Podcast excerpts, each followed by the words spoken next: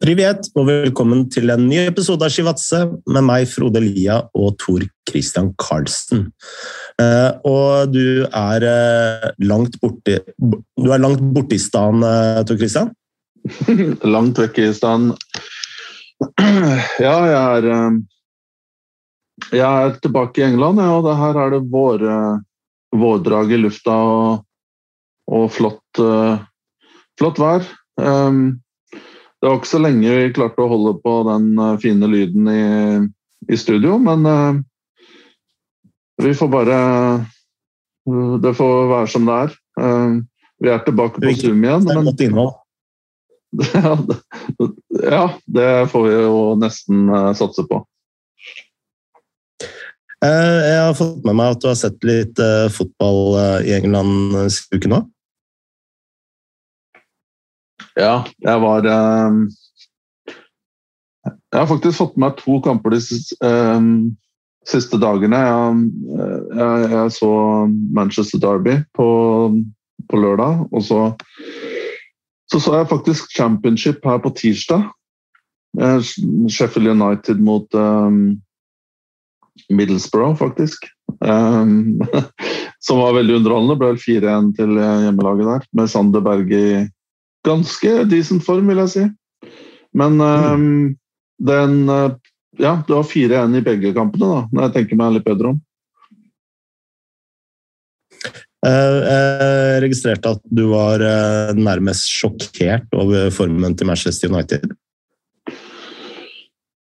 Ja um, Jeg, jeg, jeg syns jo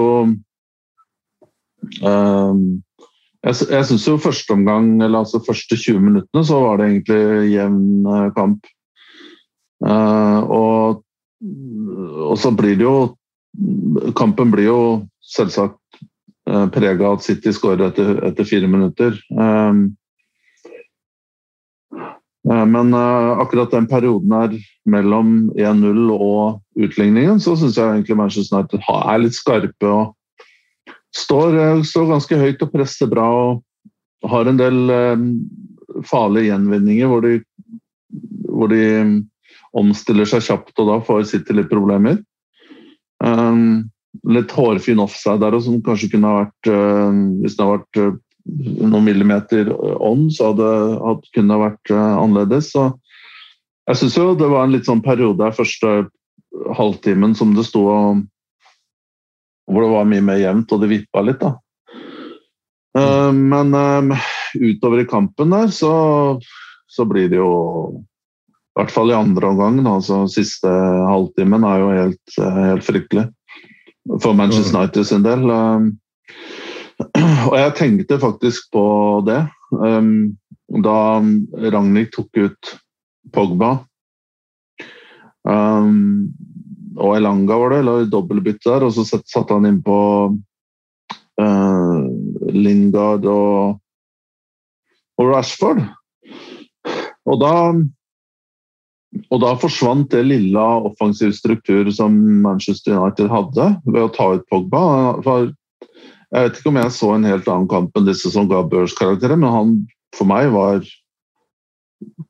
ja, i hvert fall blant Manchester Uniteds to-tre beste spillere, syns jeg. da. Uh, og så tok du han ut, og da var det jo bare helt Da var det ikke noe struktur på det hele tatt. og Ingen, ingen visste omtrent hva de skulle gjøre.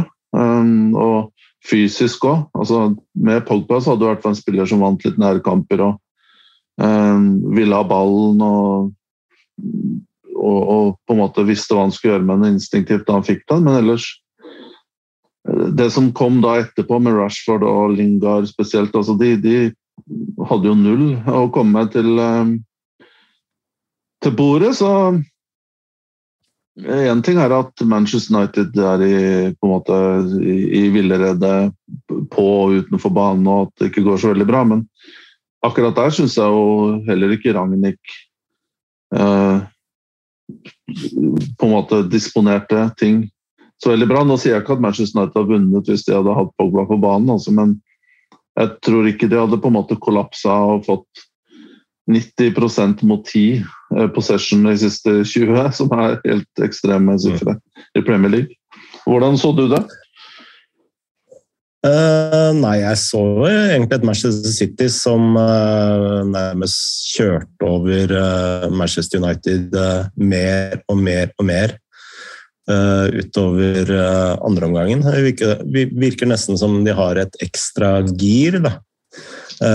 og så virker det for meg som at Manchester United om de, om de, ikke virker slitne, så har de i hvert fall ikke spillertyper eller kraft til å presse samla over lengre perioder. Da. Sånn som de beste, beste, lagene har. Og når de går i angrep, så er det ofte én og én. Men det er jo et problem som de har hatt uh, veldig lenge. Uh, som også var litt av problemet under uh, Ole Gunnar Solskjær. Ja. Um det, det, det, det, fremstår ganske planløst, og du har jo også nevnt det tidligere der med at um, Det virker som at man velger trenerne først, og så Eller nå har man jo egentlig ikke hatt noe annet valg, da, i og med at man har måttet sparke en trener midt i sesongen, så er, jo, er man jo prisgitt på en måte å eh, Altså, da kan man ikke lenger hente spillere eller man kunne jo det også i januar, men man valgte jo ikke å gjøre det. Nå virker det som at det er opprydning og sortering, og at det skal banes vei for, for nestemann inn. Um, men at det ikke er noen klar når, når, du ser på stallen, at det ikke er noen klar idé om på en måte hva de spillerne representerer som kollektiv. Da. Eh, det, det, det syns jeg er kanskje ja, litt uh, unødvendig at Manchester United kanskje har havna i den situasjonen. Da. hvis du ser på City, så er det jo helt det motsatte. At alle spillerne, selv Kyle Walker og, og, og John Stones, som på en måte er litt sånn old school eh, Eller i hvert fall fra Nord-England, og du kunne mistenke Altså kommer ikke fra Stones er vel fra Hva er han fra? Barnsley eller noe sånt. Og, og Kyle Walker er fra, han er fra Sheffield og uh, kom, kom, han gjennom Tottenham. Han ble kjøpt fra Sheffield United til Tottenham. Så det er jo spillere som ikke i utgangspunktet er skolert i toppakademier, men selv de ser komfortable ut da, med den stilen som, som City har. Jeg var litt sånn skeptisk da jeg så laguttaket og hvordan de hvordan de starta, med Foden som på en måte falsk eh, nier. Mm. men, men, den jobben han gjorde der, og eh, altså Hvordan han utførte den rollen. Kom dypt og fikk innoverkantene inn i rom og spilte folk fri. Og, og indreløperne kom bedre til sin rett. Altså, det var helt, helt magisk å se på. Um, men um, stor um, er, vi, er, det, vi, vinner jo ikke noe pris for originalitet her nå, men uh, det er en stor, stor Jeg må le av meg selv og si noe så klisjéaktig, men det er jo vanvittig ryddejobb uh, man har å gjøre i, i, i Manchester United. Um, så blir det spennende å se hva de lander på. Nå virker det som at det bare er Eller at denne shortlisten er nede på på to, to navn, Ten Hag og Porcetino.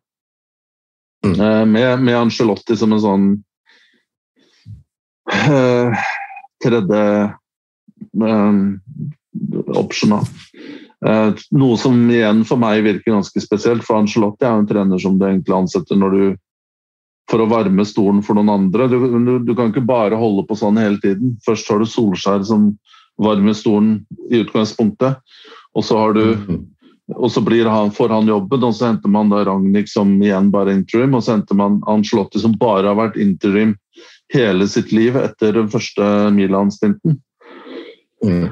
Um, jeg, jeg, så for meg ja. et eh, stolbytte etter resultatene i Champions League i, eh, i går. Og det er um, Pochettino får sparken nå i PSG, går til Manchester United. Eh, Real Madrid blir slått ut neste runde. Arcelotti får sparken og går tilbake til PSG. Ja, det er jo ikke utenkelig, det. Um,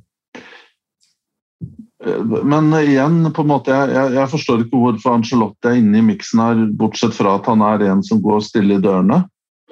Og i PSG så gir jo det mening, for der er det jo tydeligvis Du ser jo bare, bare hvordan han presidenten oppførte seg i går, da, etter tapet, hvor han var helt villmann i korridoren og skulle inn til Uefa-delegat og alt mulig. Uh, og vi kan jo snakke litt, fortsette litt om PSG. Eh, ja. det, er jo, det, er jo, tydelig at det er en uh, klubb som ikke er holdt på å si, så veldig happy. selv om de sannsynligvis vinner tittelen i Frankrike enn i liga, Men det, det, skulle jo for så vidt bare mangle. men i Champions League så har du jo Bortsett fra den semifinalen, var det vel for eller var det en finale òg, mot Bayern, og tapte den? Eller nå, Jeg glemmer så fort sånt, men eh, de har i hvert fall ikke vunnet. Nei, PSG tror jeg aldri har vært i en Champions League-finale. Nei, for det, men det er under covid, da det var i Hvor var det gikk Lisboa, eller hvor det var, eller Madrid, eller Det går litt i surr uh, hvem som Det var vel Bayern som vant, i hvert fall, tror jeg. Ja, det var finalene. Stemmer det. Ja, Og da slo de PSG, eller? De slo Ja, det var den kampen de uh, vant uh, Eller Bayern vant 1-0. Ja, riktig. Men det er jo Kingsley den store Ja, kom han, ja. Det, men det er jo den store Den store Det, det store trofeet som disse Qatar Qatar-eierne jakter, men det virker jo mulig enda lenger unna det nå enn det har gjort noen gang. Mm. Ja, det er nok en uh, uh, Altså en, nok en skrell, da. Uh, det ble jo skrell mot Barcelona, det ble skrell mot Manchester United, og nå skrell mot mot Real Madrid, hvor du har et i utgangspunktet kjempe Eh, kjempeutgangspunkt. Og jeg har tenkt ofte det, altså, det å lage et lag bare av gode spillere, det er liksom ikke godt nok. Og når vi så hvor lite Messi løp, f.eks., så tenker jeg at i dagens fotball så kan du ikke, selv om, om du heter Lionel Messi da, og kommer i siste runden i Champions League, så har man ikke råd til å ha spillere på laget som, uh, som ikke gjør jobben. Da. Og det er det som er så fascinerende med Manchester City, Bayern München og, og Liverpool, ikke minst. Det er at de har en angrepsrekke som også legger ned den harde jobben. Ja, det er jo helt riktig.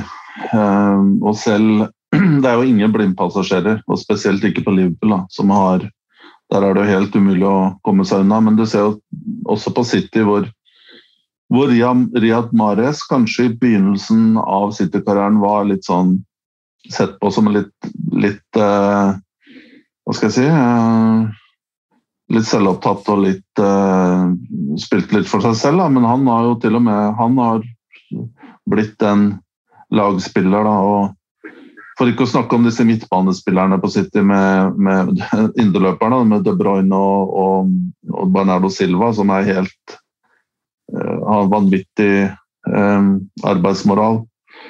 Um, mm. Men um, det, det, jeg, hvis du skal se, gå litt på en måte ta det store Zoome ut, da. Eh, jeg er ikke helt med på at ok, den kampen i går så var kanskje Jeg, jeg så ikke tallene på sprinter og sånn på Messi, jeg har ikke vært inne og sett på det, men eh, jeg, jeg syns ikke han var um, i Altså, han hadde jo noen momenter der, syns jeg, hvor han var bedre enn han hadde vært på en liten stund. Uh, og jeg så litt på tallene hans um, før forrige runde i PSG, altså samla totalt i den sesongen her, inkludert Champions League. Og de tallene var faktisk ganske bra eh, på, med, med, med, å skape sjanser og key passes og, og den type uh, metrics, uh, var skåra han fortsatt veldig bra. Faktisk like bra som i Barcelona i fjor, tro det eller ei.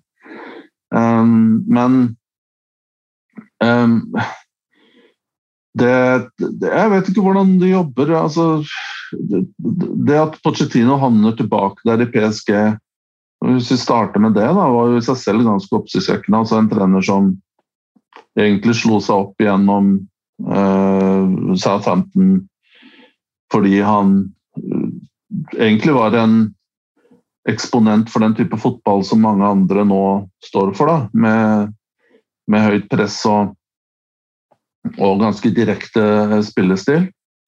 Uh, og, Tottenham hadde også for så vidt skal vi si suksess, altså sine bedre sesonger noensinne under han, med en andreplass og Champions League-finale osv. Men at det her eh, bare skal tres over hodet på PSG-spillerne, som aldri har vært vant til noe sånt, det, det virker jo veld, veldig spesielt. Så bortsett fra at Pochettino faktisk spilte i PSG og hadde en høystjerne der, så så jeg ikke helt at han, at han passa inn der. Um, Neymar er jo, mener jeg, har vært, han har vært en fraud i mange år. Um, og er det fortsatt. Men jeg, da. Det har aldri vært en spiller som jeg Alltid blitt nevnt i topp ti, på en måte topp fem i verden, nesten i samme I samme uh, pust som uh, Messi og Cristiano Ronaldo. Det er jeg i hvert fall ikke med på. Um, og det, dette her er jo igjen altså, ting som har blitt sagt hundre ganger før, og ingen kommer til å um, det er ikke noe originalitet her igjen, eh, beklager det. Uh, men de fremsto ikke som et kollektiv, altså offensivt, dessverre. ikke sant? Så, så, men hvis de zoomer ut igjen, som jeg i utgangspunktet tok eh, til orde for å gjøre, så kan man også lure på hvordan man har bygd laget her. da. At, um, at man har bygd liksom Det handler ikke så mye om om um, komplementære ferdigheter, men det handler om navn og uh, brand og uh, kanskje sånne ting. Og det i dag, selv eh, Manchester City med alle de ressursene de har hatt eh, disponible, har jo gått vekk fra den modellen der. Mm. En eh, annen ting eh, som eh, slo meg altså Du nevnte Nasir al-Khalifis ja, hvor han mister fullstendig hodet etter kampen, stormer inn i det han tror er eh, dommergarderoben, og så viser det seg at det er garderoben til noen Real Madrid-representanter. Eh, skjeller dem ut og kaster telefonene deres i bakken, eh, for så å finne dommergarderoben. og og, og skjelle ut uh, dem. Uh, altså han er jo involvert i en uh, ganske alvorlig korrupsjonssak i Sveits, som ble rulla opp i, i, forbindelse med Fifa-gate, hvor han står i fare og i hvert fall står i fare for å bli dømt til 28 måneder fengsel. Uh, og dette er den saken med han eh, Jeremy Valke, uh, hvor det er korrupsjon forbundet med salg av TV-rettighetene for VM 2026 og 2030. Og det som slo meg altså, Her er, en, en styreleder og klubbpresident som er i ferd med å miste det litt. ja, Eh, spørsmålet er om han noen gang har hatt det. Um, nei, altså Han jeg, jeg, jeg, tror hvis du sammenligner Altså, det er mange måter å um, på en måte Eiere Det er veldig mange måter å fremstå som og, og utøve din rolle som eier eller president på. Uh, jeg har ikke troa på at den skal utøves som Eh, på den måten han gjør det. Han tar altfor mye plass, og de jeg snakker, til, snakker, med som har hatt noe med PSG å gjøre, så er jo han Alt skal gjennom han, og alt eh, eh, På en måte Det sportslige skal gjennom han. Og jeg, jeg kan også forestille meg at det er en eh, figur som er ofte en tur innom garderoben etter kamp. Litt fordi sikkert når det går bra og soler seg glansen, og når det går dårlig, så er han kanskje også en tur innom. Jeg ja, altså, er, en ting er... jeg, jeg, jeg, tror ikke det er sunt da, å ha en eier eller president som er så tett på ting og, og tar så veldig mye plass. Og Hvis man skal si én ting om disse som um, Nå kan vi bare få legge sportsvasking og sånt til side for, for et sekund. Um, hvis man på en måte ser på disse som eier Manchester City, så kan man jo si at én ting som på en måte de gjør riktig, da, det er jo at de ikke tar noe plass i hele tatt. De er jo knapt på kamper og lar disse altså Begurestein og Soriano lede, lede, klubben. Og de har jo selvsagt mye mer erfaring og stil og klasse. Mm. Uh, nei, en ting jeg reagerte på før kampen, det var at han kom med spillebussen. Så han uh, gikk ut av bussen rett før Pochettino. Og, du kan jo spørre deg, altså hvis det veldig mange påstår er riktig, da, at eh, det er eh, stjernespillerne som er sjefen i garderoben, da, og ikke treneren. Så blir det jo veldig sånn at eh, Si Neymar, da, for å bruke Neymar som et eksempel. Da, hvis han er inne i varmen hos uh, Al-Nasser, så er det veldig vanskelig for Pochettino å, å liksom ut, uh, altså utføre sitt virke med autoritet. Da. Ja. Hvis det er mening? 100% Og det er jo den, den eh, linja som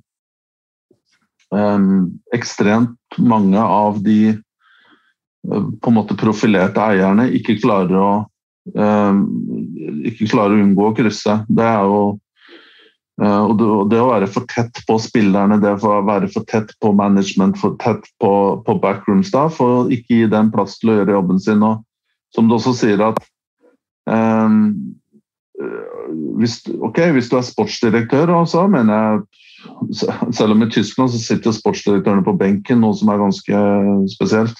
Men jeg mener jo selv sportsdirektører bør jo være litt sånn holde bitte litt avstand uh, noen ganger.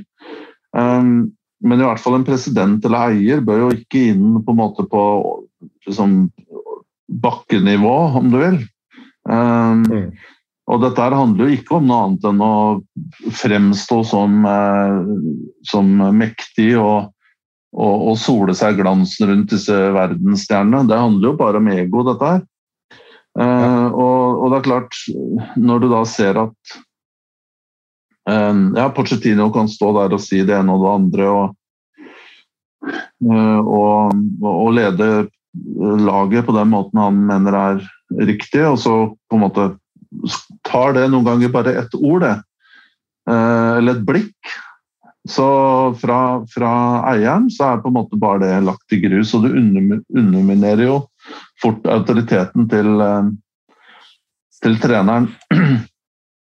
Um, så akkurat det der tror jeg er Men det, det tror jeg aldri vil bli uh, rydda opp i.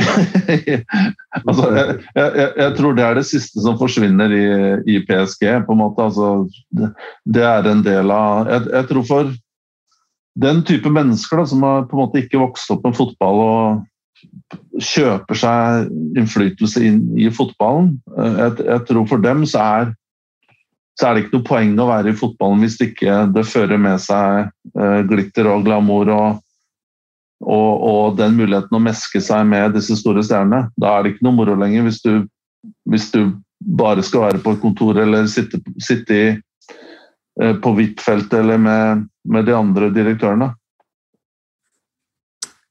En uh, annen interessant ting uh, var jo etter kampen i går så sank Paris Saint-Germains krypto, eller fan-token, som det heter, med over 20 ja, hva er det for noe, hva er det for noe tull?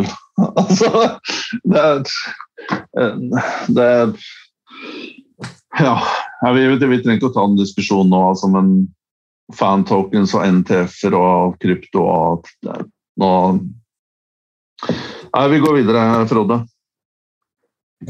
Eh, dagens store nyhet eh, er jo Roman Abramovic og Chelsea hvor alle hans assets har nå blitt fryst av britiske myndigheter. Noe som medfører at han ikke kan selge Chelsea, ikke kan selge spillere, ikke kan signere spillere. Og sist, men ikke minst, de får ikke selge billetter eller drakter til klubben. Og så er det visstnok noen unntak her, da. Men det er ganske alvorlig. Ja. Det her er jo igjen uh, Altså Uventet var det jo ikke. Vi fikk jo ting Det var jo tegn som viste at noe slikt Jeg er litt småforkjøla her, så beklager mye rare lyder her. Men um, nei, det var jo noen trekk som, uh, som Chelsea Abramovic gjorde nå for to uker siden, som vi omtalte for uh, da det skjedde. Um, med at han visstnok ga over kontrollen til klubben, stewardship til til uh, en um, foundation i Chelsea. Og, og, det gikk også da um, Ikke bare rykte, men det viste seg også at da klubben uh, senere bekreftet at den var lagt ut på salg. Så det var jo det er jo tydelig at Abramovic uh, visste at noe, noe var på gang. men, men dette her er jo i hvert fall så lenge jeg har vært fulgt med i fotballen, i hvert fall i engelsk fotball, så kan jeg jo ikke huske noe lignende. Dette her er jo nesten som å bli satt under administrasjon, da, eh, på en eller annen måte. Det er vel det nærmeste vi kommer, eh, og det skjer jo eh, noen ganger i året i England. Men her er det også, altså per nå så er det jo da engelske myndighetene som har konfiskert klubben, så vidt jeg forstår. og på et eller annet tidspunkt så blir vel også klubben lagt ut for salg gjennom, gjennom en slags administrator. Um, jeg er litt usikker på videre gang og prosess her, men eh, i den veldig umiddelbare fremtid så er det jo på en måte blir interessant å se hvordan dette påvirker resultatene. Som du sa, man får ikke solgt matchday tickets, sesongbilletter. De får Eh, de får man fortsatt bruke. Bortesupportere får ikke kjøpt billetter nå etter Jeg lurer på neste kampen, ja. Um, mm. Og uh, merch, uh, også band, da. Um, det jeg lurer litt på, er jo om um, Og så var det også en uh, begrensning på hvor mye de kan bruke på, på å betale borteturer i Champions League og da var det visst et tak på 20 000 pund per tur, og det er jo ikke nok. Ehm, men der skulle det visstnok gis litt fleksibilitet, slik at de kunne på en måte reise på samme måte som han har gjort da. Men spørsmålet er jo her eh, mange mange spørsmål. Det som er helt opplagt, er jo at man ikke får forlenga nye kontrakter. Så det betyr jo Rudiger, eh, Christensen eh, og hva var det en spiller til, tror jeg, som er på vei ut av kontrakt. Uh, Tiago Silva ble vel uh, hvem, hvem tenkte du på, Frode? Tiago Silva? Jeg tror den ble forlenga alt. men var, Jeg tror det var en spiller til, men det, det, det, er ikke så veldig viktig. Men spørsmålet er jo hvordan Um, at de ikke får forlenga kontrakter, er ganske opplagt så lenge man ikke har fått solgt klubben. Uh, det andre her er jo hva skjer med hva skjer med de som Chelsea skylder penger? Um, mm. altså Lukaku ble jo ikke betalt i én whack på 110 millioner pund, eller hva det var. Det, det skal jo betales over, over flere år. Uh, hva skjer med, de, hva skjer med kreditorene, da? Um, uh, og, og, hva skjer med kvinnelaget? Um, der har man jo også et par norske spillere. er vel Både Maren Mjelde og Guro Reiten, tror jeg, spiller der nå. Um, mm. og, og akademiet osv. Um, og, og, mye av spørsmålet er også hvor, hvor stor er cashflowen til Chelsea? Altså, hvor lenge klarer du å holde i gang operasjonen? Da? Det er jo Jeg kan ikke svare på det, selvsagt. Eller det er vel ikke så veldig mange som har innsyn i akkurat det nå. Um, men um, Og hvor fort vil denne salgsprosessen gå? For det er så fort, så fort Chelsea får, um, får en ny eier, så vil jo ting løse seg igjen, uh, selvsagt. Men det er jo den perioden nå mellom uh, frem til det punktet som er som kommer til å bli vanskelig. Ja, Det jeg syns var veldig uh, nytt med, med den statement, statementen som kom fra myndighetene, det var hvor direkte en del av uh, forretningene til Abramovic var med på å støtte opp om Putin. F.eks. stål til militærindustrien og, og sånne ting. Det, det, var faktisk litt nytt for, nytt for meg. Ja, det, ja, det var vel både um, tungindustri og Som de kunne spore, spore tilbake til, um, til, militært utstyr. Og det er jo klart, det er jo uh, Det er jo en veldig klar kobling. Men som vi har vært inne på tidligere på podkasten her, så er jo den derre Allikevel så er det jo under enhver post eh, på, på, Twitter om det her, så er det liksom hundrevis av Chelsea-supportere som, som, mener at dette er uh, urettferdig.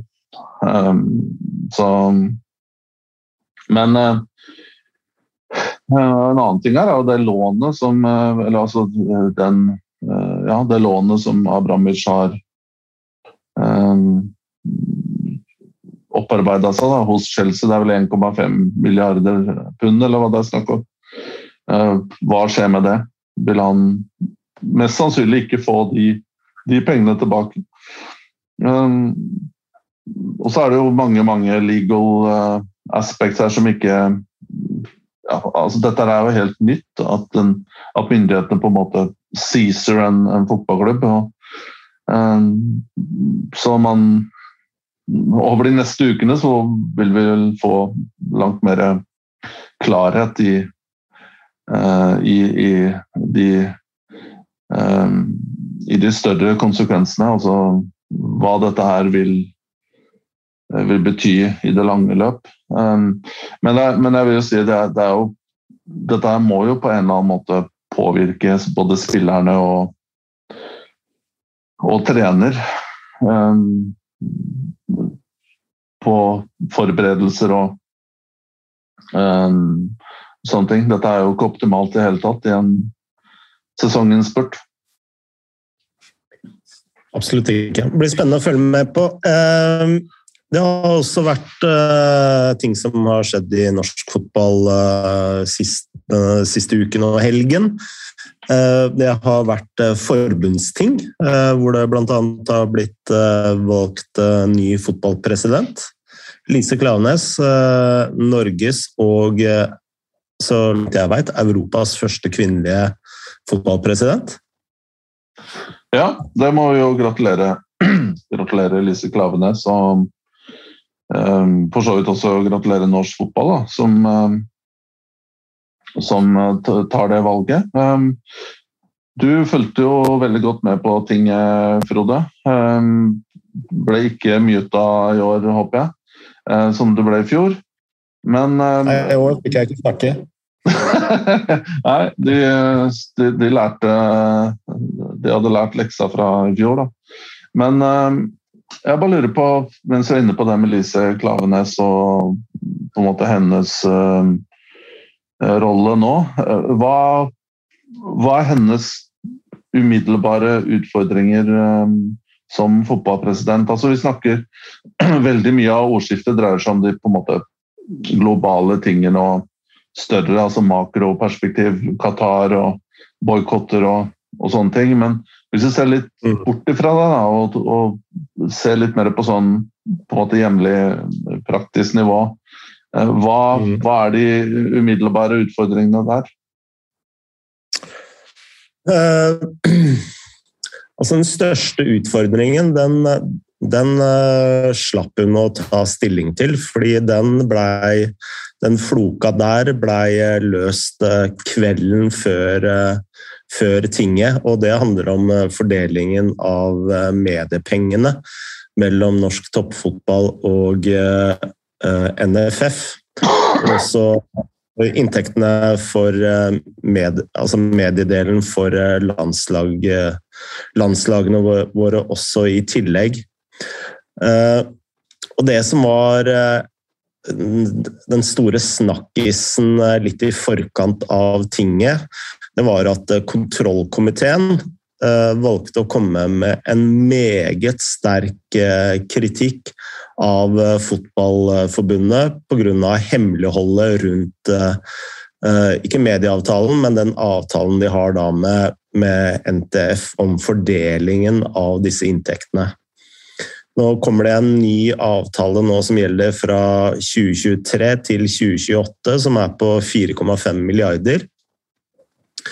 Og fram til nå så har, har, jo fordelingen vært at uh, norsk toppfotball har da fått 75 og uh, Norges Fotballforbund har fått 25% Og disse forhandlingene har gått uh, langt på overtid.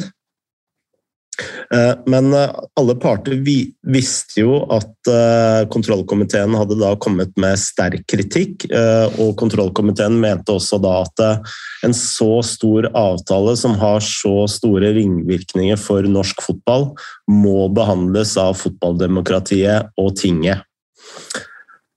Likevel så går de da og signerer avtalen dagen før, eller kvelden før tinget. Uh, og det tror jeg veldig mange syns var uh, litt dodgy, uh, for, å si det på godt norsk.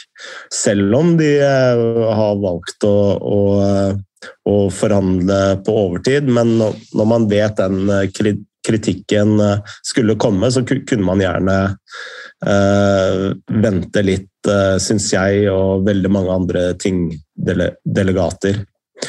Og her har jo diskusjonen egentlig vært litt sånn Hvem eier eh, toppfotballen? Altså, du har norsk toppfotball som mener at det, altså, det er vi som lønner spillerne, det er vi som bygger stadionene. Altså, det er våre penger. Satt, satt litt på spissen. Mens uh, Fotballforbundet på Eh, på sin side mener at dette her er fellesskapets eh, midler. Da. Og her har de da eh, over mange mange år sant, krangla og forhandla om hvor den streken skulle gå. Da. Og det jeg har blitt fortalt da, av mine kilder, det er nå at nå får Fotballforbundet en større del av kaka for inntektene fra landslagene. Eh, men totalpakken der er, er, er, mye mindre enn medieavtalen som eh, er forhandla av eh, Eliteserien og Obos og Post Nord osv. Og, og toppfotballkvinner. Så det jeg vet, er at fordelingsnøkkelen nå har gått fra 75% favør norsk fotball opp til 88% favør norsk toppfotball. Eh, så det er jo en eh, ganske stor økning i favør eh, norsk toppfotball. Så det, det, vil jeg si har liksom vært den store, store saken som blei nøsta opp, opp, i nå. Hvor lang er den avtalen som man ble enige, ble enige om nå? Altså Den fordelingsnøkkelen ligger fast nå i, i, den avtalen som nå starter nå i 2023, og, og fremtidige avtaler. Så, ja, så mm. Eh, men uh, medieavtalen gjelder til 2028. Ja. Nå sitter ikke jeg på alle tallene eh, og fordelingsnøkkelen eh, for den andelen som eh, handler om landslagene, så jeg vet ikke hvor totalpakka er. Men, men jeg kan, vel si at med stor sannsynlighet så har vel inntektene til toppklubbene økt ganske dramatisk de neste årene. Um, Så kan jeg bare skyte inn her um, eh, Hvorfor var det så viktig å rushe gjennom dette her i tolvte time før på en måte Var det for å unngå at eh, nye, nye valgte skulle få, få mulighet til å se på det, eller? Ja, altså det, det her må vi jo bare spekulere. Det er jo veldig, altså, veldig rart. Og jeg kan jo skjønne det, i hvert fall fra norsk toppfotball sin side, at de gjerne ville ha dette gjennom før tinget. For på et ting så, så vet man jo aldri hva, hva som skjer, og der er det jo klubber, altså den store bredden, som er med å avgjøre Uh, hva Norges Fotballforbund skal eventuelt si ja og nei til. Og eh, det er ikke sikkert at uh, breddeklubben i Norge har så stor forståelse for uh, synspunktene til norsk toppfotball. Riktig. Uh, så, det, så det er vel det jeg uh, kan tenke meg. Da. Og så, så er det jo en diskusjon. Altså, er det egentlig så urimelig at eh, Hvis jeg skal prøve å sette meg i toppklubbenes eh, sko, da, så er det kanskje ikke så urimelig at eh, de får eh, stor del av den kaka, med tanke på at de, denne spillerne altså de, de er jo store, store bedrifter med eh, utgifter eh, et sted mellom 50 til 100 til 150 millioner. eh, I visse til, tilfeller òg. Så eh, det er kanskje ikke så urimelig heller. Nei. Um, dette er en diskusjon som jeg tror um, Det er litt Kanskje litt rart at den først virkelig tilspissa seg i Norge nå de siste to-tre årene. Dette er, dette er jo noe som har gått gjennom omtrent alle europeiske land. Hvor de prinsipielle tingene der eh, blir eh, diskutert. Da. Men hvis vi bare, bare spoler bitte litt tilbake her. Um, utgående president Terje Svendsen. Um, Hva, eh, hva Du følger mye, mye mer med på dette her enn meg, men hva fikk han til i løpet av sine var det fire år, eller? Um, Kan du gi noe terningkast der?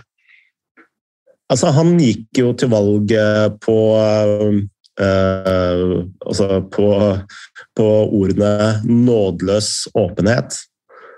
Og her eh, vil jeg jo si at han eh, ikke har levert.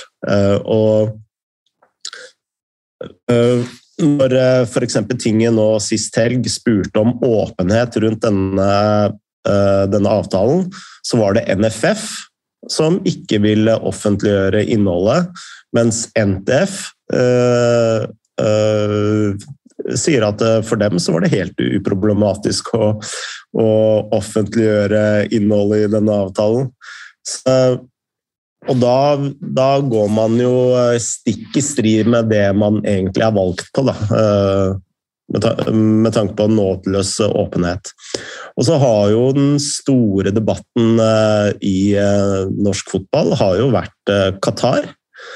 Og her syns jeg også NFF har gjort en uh, veldig dårlig jobb de første årene av Terje Svendsens virke. Og etisk komité da, de kom med en rapport i forkant av dette tinget hvor de kom med Altså, jeg har aldri lest en så ramsalt kritikk av Fotballforbundet noensinne. Og i fjor så blei jo jeg muta, og årsaken til at jeg ble muta, det var jo at jeg fortalte at kildegrunnlaget til den såkalte Qatar-utvalget var falskt. Det var dårlig og lite etterrettelig. Og Etisk komité kom med en rapport som sa at alt det jeg sa i fjor, var helt riktig, og at rapporten til Sven Mollekleiv og Qatar-utvalget hadde så store mangler at den var i utgangspunktet veldig lite sannferdig. Og der må jo også Terje Svendsen ta sitt ansvar ved at sammensetningen av utvalget ble veldig skjevt. Man så etter feil ting, osv. så det har nok prega uh, Terje Svendsens uh, virke som uh, fotballpresident. I tillegg så har jo norsk fotball blitt utrolig splitta. Den splittelsen skjedde riktignok før Terje Svendsen. Og det har vært en splittelse på kvinner, menn, bredde, topp. Eh, supportere, forbund.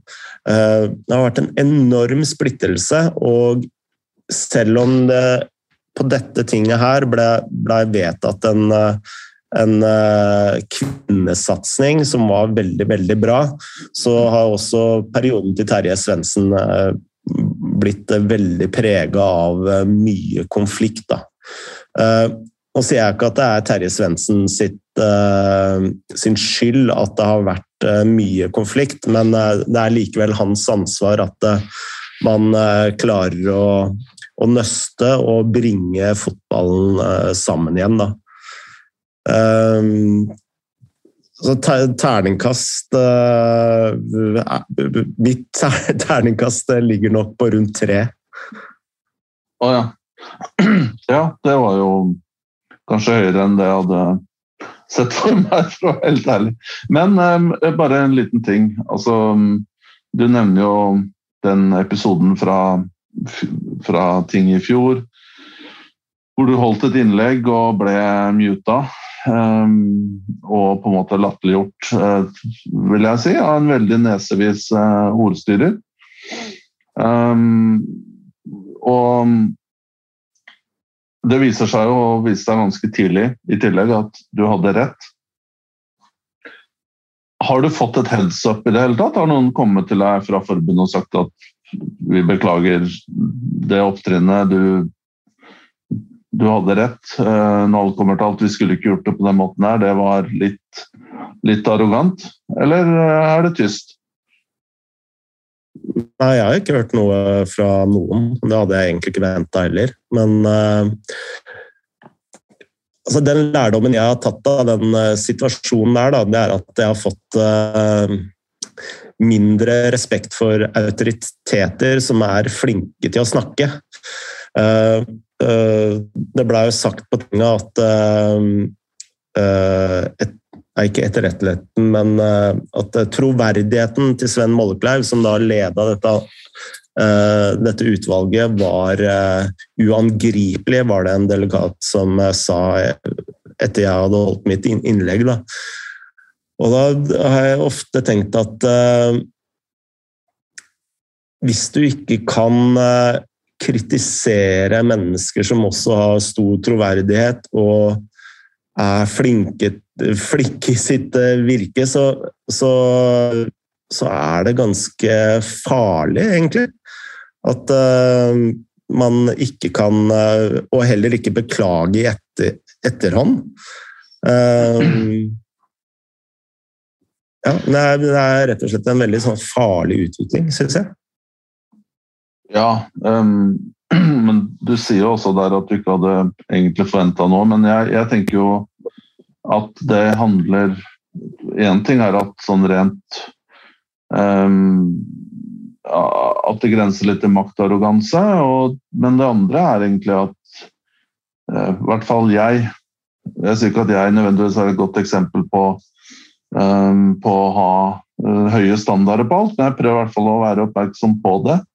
Så hvis jeg tar grundig feil og har vært uh, til og med litt uh, ja, u, uh, uskikkelig da, i tillegg, så, så, ligger det i hvert fall meg veldig nært å be om, be om unnskyldning og, og, gi en heads up i etterkant. Um, og, og, det er litt sånn kulturen der òg. Altså, jeg vet ikke, vi snakka forrige episode om den um, Bodø-Glimt-saken der, med, eller Ålesund-saken, hvor, um, hvor, det også var en person fra NFF som var veldig nesevis i, i media og, og snakka om at han skulle sette inn i krysset. Var sarkastisk, da. Og da mener jeg at det er på en måte Når du er i en Én, når du er i en demokratisk organisasjon og du har valgt inn. To, når du er på en måte i en representant for for noe som hva skal jeg si, representerer um, sport, fotball, så skal du også være litt ydmyk og vite at du er ikke der Du er ikke uerstattelig eller um, du, du, skal ikke sitte der på noen høy hest. Du, du er der som en for å utøve en tjeneste til, til fotballkollektivet i Norge. Da. Og den mm. Akkurat den ideen der tror jeg ikke alle har oppfatta like klart. Nei. Men, men, men, når det er sagt, så er det jo, er det jo positivt at uh, Lise Klavenes har blitt valgt inn. Som jeg, jeg, kjenner ikke henne, men i hvert fall i mine øyne som på en måte vanlig uh, mann på gata her. da. Uh, som ikke er så involvert i norsk fotballpolitikk, så vil jeg jo si at hun fremstår som veldig, veldig åpen og, og um, ja, approachable og hyggelig. Mm. Av de kildene jeg har snakka med, uh, så er vel signalene fra komiteen at det at eh, Lise havna litt på riktig side i Qatar-debatten, og at hun ikke fremstår eh, like arrogant uh, som en del av de alternativene til vervet har kommet eh, ut. Jeg sier ikke at de er arrogante, men at eh, de kom veldig arrogante ut i forbindelse med Qatar-saken, har vært helt avgjørende for at valgkomiteen valgte Lise Klavenes. Eh, så mitt håp, og, og en ting jeg egentlig er ganske sikker på, det er at Lise Klavenes kommer til å være en veldig samlende eh, fotballpresident som vi kanskje ikke har hatt sin eh, eh, Per Ravn Åndal på mange måter. Og kan klare å samle norsk fotball på en helt annen måte enn det vi har sett de siste ti årene. Er det noe annet fra tinget vi burde få med her, Frode? Ja, eh, det er faktisk tre ting uh, som jeg tenker er viktig. Altså, du, vi snakka litt om uh, dette clearing-forslaget, hvor NFF skal da opprette en avdeling som kan hjelpe klubbene med å hente inn treningskompensasjon og solidaritetsmidler. Det forslaget kom fra Heming fotball, og det blei vedtatt. Eh, nesten enstemmig. Eh, og det tenker jeg er veldig viktig å, å få med seg. Eh, det er også vedtatt at landslagene våre ikke skal Altså ha treningsleire da, i land som bryter elementære menneskerettigheter. Og vi skal heller ikke ta imot eh, sponsorer eh, fra selskaper eller land som også bryter elementære menneskerettigheter. Og det, dette gjelder også klubblagene, ikke sant? Eh, dette er kun landslagene, ikke klubblag. Ok. Mm. Og det tenker jeg er det, det viktigste. Ja, absolutt. Det skulle jo egentlig bare mangle. Mm. Bra. Eh, jeg tenker vi er i mål, jeg. Vi er i mål, og jeg tenkte jeg bare skulle minne lytterne om at vi har eh, en uh, Patron Hva man kaller det? Patron ja, Episode, ja. Ja, og at vi, vi um, skal gjøre det på den måten kanskje en gang eller to i, i måneden. At vi legger ut uh, litt bonusmateriale som er eks eksklusivt da, til, uh, til våre patrons.